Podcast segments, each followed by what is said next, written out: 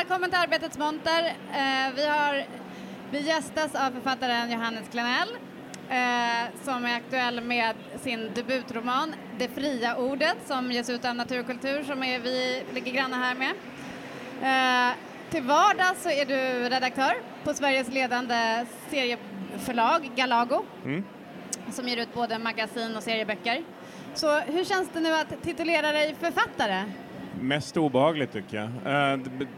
Jag hade nog inte, jag har jobbat som förläggare i snart 14 år. Jag har säkert gett ut 100 böcker. Jag hade ingen aning om hur det känns att vara författare, hur utsatt det är och, och vilken bluff man känner sig som hela tiden. Jag pratade med Sara Granér om det igår och sa så här, men det, man känner liksom att man har lurat folk och så sa hon så här, men det är ju det du har.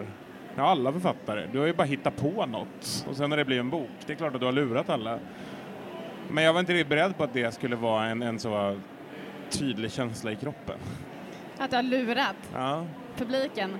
Men och, eh, ni som inte känner till Galago, men det är alltså en sat- samhällssatirtidning i serieform som ges ut av Ordfront förlag. Eh, och det fria ordet då, som den här boken handlar om, eh, handlar också då om ett förlag som ger ut en satirtidskrift som heter Guano. ja. Eh, och som bokens då huvudkaraktär Jonas Tunander är redaktör för. Mm. Eh, hmm, hur nära verkligheten ligger den här boken egentligen? Alltså, vissa har ju försökt få det här till att det är en nyckelroman. Jag tycker inte att det är det, för att nästan inga personer i boken finns på riktigt, utan det är amalgamer utav liksom en massa olika människor. Många av händelserna har hänt på riktigt, men kanske inte bara på ordfront. Alltså, ta till exempel det här med när de inte har råd att betala tryckfakturor och liksom börja gå till nya länder där de inte känner till att man inte har betalat tryckfakturorna sakta men säkert börja vandra mot Kina och runt planeten. Det var inte Ordfront som gjorde det, det var ett annat förlag som också var i kris under samma era som det gick rykten om hade gjort den dagen. Eh, så att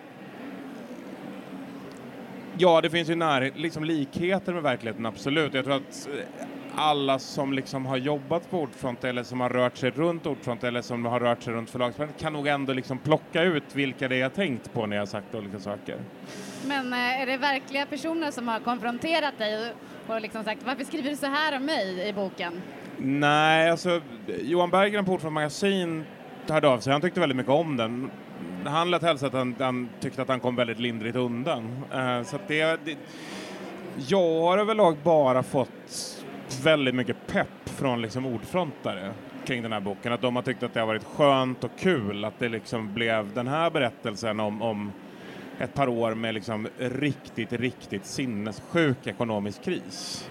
Ja, kan du berätta lite kort om vad det fria ordet egentligen handlar om och vem Jonas Tunander är? Jonas Thunander är ju på, på många sätt min värsta mardröm. Eller liksom så här, det är väl den idén jag ibland har om mig själv när jag får för mig att jag är den där bluffen.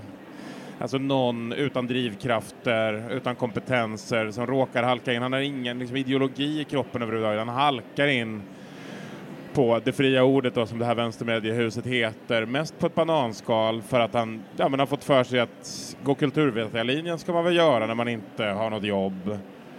Jaha, praktik ska man göra också. Men jag har ju hört att det här förlaget är vänster och bra. Är jag vänster då? Nej, det är jag väl kanske inte, men jag har kompisar som är det, så då är väl jag också. Alltså, så här, det är liksom hela tiden hans hållning. Att han, han, han, är Han är liksom, hållningslös. han är hållningslös. Eh, han hamnar på ett vänstermediehus som då har fy, tre våningar, massor med anställda, en massa olika organisationer som liksom säger sig stå för allting som är gott. Men ingen kan riktigt definiera vad det där är. Liksom, vad, vad är det egentligen som är de där sakerna? Hur ska man nå ut med att man står för allt som är gott och emot allt som är fel? Ehm, de har varit med om ett antal förändringar under den här perioden. Digitaliseringen har gjort att bokklubbarna har dött. Eh, De har varit med om att deras storsäljande deckarförfattare har lämnat förlaget för att gå vidare någon annanstans. Det kan man känna igen från Ordfront givetvis. Ja. Eh, och går in i en ideologisk kris ett år efter att Jonas börjar där. Ehm, och, och min tanke med Jonas var ju på något sätt att tänka så här, hur skulle det gå för någon som inte har några drivkrafter i en sån här krisande verksamhet? Och det jag kom fram till var liksom att jo, men det skulle nog gå rätt bra. Kanske är det därför det har gått bra för mig, jag vet inte. Men, men, men, men att, att om du är någon som inte vill något så blir du också helt friktionslös uppåt mot dina chefer. Alltså, du, du är inte ett problem, du kommer aldrig komma och ställa några krav, du kommer aldrig konfrontera dem med de problem som finns på arbetsplatsen. Och då börjar de känna att du är någon som är ja, men kanske en vettig mellanchef eller lite, hej public service. Uh, men, men... Det är oerhört provocerande med den här uh, killen, då, unga killen som sen blir en ganska uh, halvmogen man. Mm. Hur han bara flyter med och liksom växer i hierarkin. Uh, och hur tänkte du kring det? Blev du själv provocerad av hans eh, hållningslöshet och, liksom att, och hur det belönades när du skrev den? Jag tänkte mest att det är någonting som händer och finns på riktigt. Eh, att, att han har en kollega som heter Marie som också är hans bästa vän på arbetsplatsen. Eh, och hon har varit där längre än honom.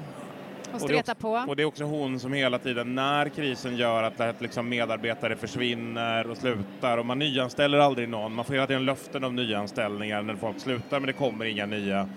Så det är hon som får bära fler och fler författarskap på sina axlar. Hon får inga löneförhöjningar, han får det konsekvent. Uh, och jag tror att jag har sett det här hända ett par gånger och jag har nog också varit den personen några gånger, alltså som har inte, inte den som har suttit på utan tvärtom den som liksom råkade glida före i kön. Jag tror att det är ett väldigt så här, typiskt sätt att köla in män till sina kulturmansroller på något sätt. Jag skrattade högt eh, många gånger eh, när jag läste boken. Kanske framförallt av igenkänning. Eh, jag har också jobbat på flera sådana här vänstermediaföretag ehm, och kände igen mycket det här idealistiska kaoset som du beskriver. Är det liksom en satir över, över vänstermedias idealism och ja, det höga ideal? Det är det ju definitivt. Och, och, och framförallt var det så här att, att jag vi hade en sommarfest på Ordfront. Jag jobbar ju fortfarande på Ordfront. Det är ju ganska viktigt att komma ihåg. uh, där vår chef Pelle Andersson gick ut och sa nu är de svåra åren över. Alltså han stod och höll tal för alla författare och liksom nu, nu, nu när det här har gått över och da, Och så kom Olivia Bergdahl och, och, och Jenny Wrangborg efteråt och så frågade så här, men de här tidigare svåra åren, vad, vad var det för någonting? Och då kände jag så här, men nu har jag frikort från chefen och, och liksom, han, han har ju berättat att vi har haft dem, då måste vi ju berätta. Då ser man liksom i deras ögon blir stora som tefat, han bara så här, sa ni upp LAS? På ett vänsterförlag. Fick ni ingen lön? Alltså det, det, var liksom så här jättekonstiga saker som man hela tiden... Alltså så här, jag tror att det är det som gör den ganska unik mot andra liksom, kontorskomedier är det att visst, det finns andra liksom, kontorskomedier som handlar om att man accepterar att liksom, allting blir ett kaos.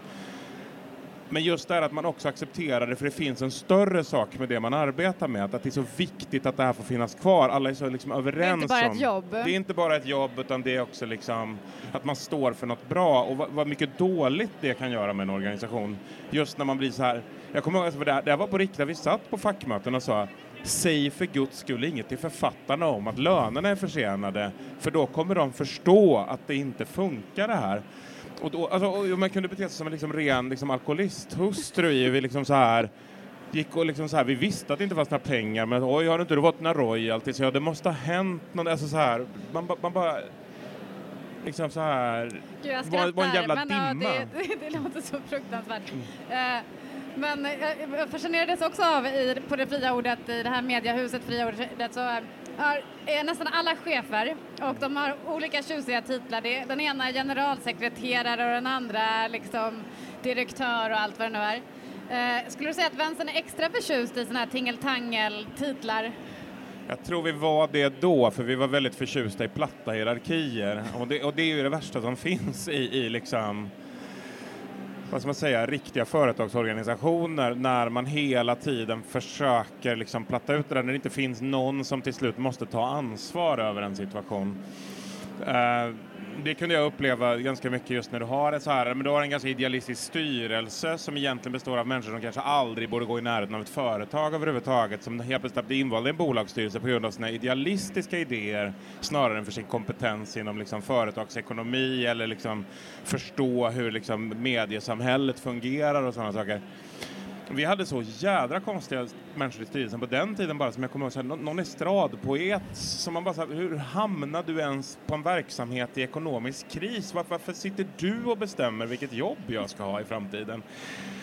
Så att, att, jag tror att det är mycket det det handlar om, alltså att, att det blir väldigt mycket mellanchefer och, och att alla ska ta ansvar i en värld där ingen vill ta ansvar.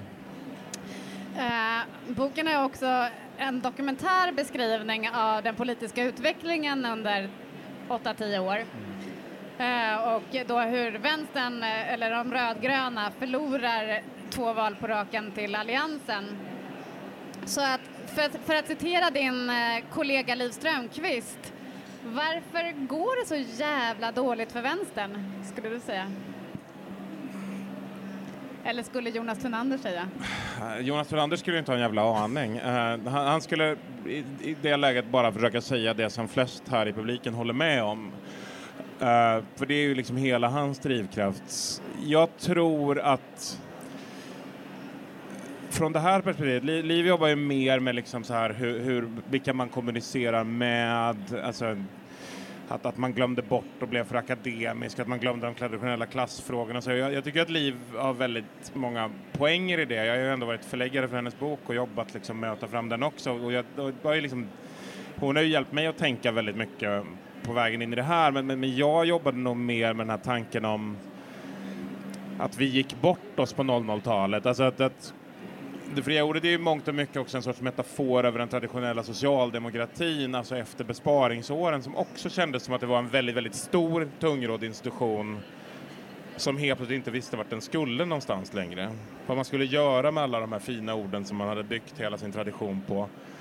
Ehm, så, att, så att jag tror att det handlar om, om jag skulle liksom säga vad jag satt och tänkte på när jag skrev den här, så var det nog att, att vad Nya Moderaterna gjorde var att de presenterade ett politiskt projekt för hela befolkningen. De sa vi kommer göra de här förändringarna och då kommer det bli bättre.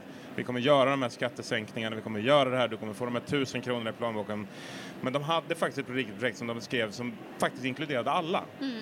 Inte en sakfråga, inte små utan det var liksom så här, ja, men det här är vart vi ska, det här är dit vi är på väg och det tror jag har varit vänsterns problem, att man inte har hittat det där stora politiska projektet. Jag tycker bitvis, om jag ska vara kritisk mot Vänsterpartiet, så kanske man gick bort sig lite i att man blev så fokuserad på vinster i välfärden, men inte på vad kommer efter det då, till exempel. Alltså, och jag tror att folk känner en ganska stor längtan efter ett nytt politiskt projekt. För jag skulle nog säga att Nya Moderaternas politiska projekt var lite av ett fuskbygge. De hade inte tänkt mycket längre än en mandatperiod eftersom de inte har någon erfarenhet av att leda ett land mer än en mandatperiod heller. Eh, din debutbok eh, har ju fått väldigt fina recensioner, eh, förutom i lokaltidningen här, Göteborgs-Posten, som inte tyckte att du utnyttjade din potential fullt ut, eller vad det nu var. Kom... Lite som Strindberg, men inte lika rolig var han nog, på citaten. inte så dåligt ändå. Uh, har du fått mer smak? Blir det fler böcker? Jo, men det tror jag det blir. Jag, jag sitter väl och tänker på vad jag ska skriva härnäst. Jag har ju tydligen en begåvning som jag inte utnyttjat till min fulla potential, så jag måste väl försöka göra det. Uh, just nu är jag så fokuserad på att bara inte känna mig som en bluff mitt i det här projektet. Så att, uh, det är väl de liksom, sakerna som jag har börjat studera och de mekanismerna. Jag satt och pratade med Stefan Holm förut på en annan scen och frågade honom så här, men, kunde du, kan du relatera till det här med att du känner att du har lurat alla någonstans? Och, han bara här, och jag bara så här, det är väl jobbigare för dig, du är höjdhoppare, du kan ju liksom inte känna att du har blåst folk när du har hoppat 2,47. Han bara, jo men det var ändå lite som att man kände att de andra inte hoppar lika högt för att vara snälla. Och lite så har väl jag känt just nu. Att det, den fasen måste jag komma ur innan jag kan börja liksom tänka på att skriva en ny bok, tror jag. Uh, mycket av uh, mässan här präglas ju av det som händer utanför mässan uh, med demonstrationerna och så vidare. Och du är ju en person som twittrar också rätt mycket och jag såg uh, att du igår hade varit på demonstration, manifestationen som var igår och friat till din Nej, jag skrev att det absolut konstigaste man kunde göra under NMRs demonstration var att fria till sin flickvän på skumbotronen utanför Skandinavien. Jag har alltså inte gjort det på gjort riktigt. det? Oj då, var det humor? Ja, det, det var ett, ett skämt. Hoppsan. Det, jag tyckte det var bisarrt. Jag tänkte så här, det var det mest, mest oväntade precis eh, som kunde hända. Ja, nej, men det var, det var ett väldigt, väldigt konstigt romkomslut. Men det hade också kunnat vara början på en tanke på vad jag ska skriva härnäst. För jag har nämligen funderat på om jag skulle skriva om kärlek nästa gång. Alltså jag, jag är ganska förtjust i romcoms, sitter ofta och tänker rätt mycket på olika romantiska komedier och skulle nog sk faktiskt vilja skriva en sån lite mer Hornbyesk historia efter den här som är ganska kärlekslös någonstans. Alltså som, som, Ja, han har ju aldrig några flickvänner. Eh, Nej, men det finns faktiskt en anledning till det, men det, det är inte utskrivet i boken. Och det är för att det är en kärlekshistoria, fast mellan honom och hans vän Einar egentligen. Alltså jag, jag lyckades formulera det igår på något sätt, att den är lite som en slapp Brideshead Revisited på det sättet. Alltså att den ena är den som bara kör och den andra är liksom den, den som går efter och städar efter liksom festen. Ja, vi sätt. måste ju nämna Einar Mm. eh, innan vi avslutar det här. Eh, Einar är ju en huvud, också huvudkaraktär i boken Mm. som eh, kan, man kan säga en allegori för samhällsklimatet eh, under de här åren. Kan du berätta om honom? Jag, jag tyckte att det var en arketyp som var viktig att få in i, i den här berättelsen och det är ju den gränslösa personen på nätet. Alltså det, den han, han symboliserar i mångt och mycket den nya debatten, alltså den, den, den, den personen som, som hela tiden söker konflikt, polemik, bråket. Han, han, han lär ju huvudkaraktären väldigt, väldigt tidigt att det är mycket, mycket enklare att vara emot saker än att vara för saker i en debatt. Du vinner alltid debatten om du är emot, för du behöver inte använda några argument, mer argument än att säga att du har fel. Och det här lär han sig på universitetet, alltså i, när han går kulturvetarlinjen för att han ska fuska sig igenom olika seminarier som han går på utan att ha läst böckerna. Att, att gå bara in och säga emot den du ska liksom diskutera med hela tiden så kommer alla tycka att du är lite smartare än du är egentligen. En kritiskt tänkande person. Ja men exakt. Och det- här lever den här karaktären Einar på att han, alltså, en vän till mig sa att, att Einar är någonting som liksom alltid kommer i paketet med konceptet vara kille. Att du har en sån här gammal kompis i bagaget, alltså en gränslös person, ofta ganska begåvad, som liksom aldrig blir någonting för att de inte kan kompromissa. Men i det här nya debattklimatet som har kommit med liksom Twitter, med liksom snabbheten, med liksom kravet på polemik, nya bråk, nya skandaler, så kan de här faktiskt ta ett kliv framåt och bli liksom tydliga offentliga personer. Sen valde jag att låta honom bli satiriker, komiker för att kunna väva in honom i historien, men också för att det också var en sån klassisk grej med de här komikerna som vi alla satte citationstecken runt omkring när man skulle beskriva lite konstiga grejer eftersom de ofta jobbade som komiker. Men, men, men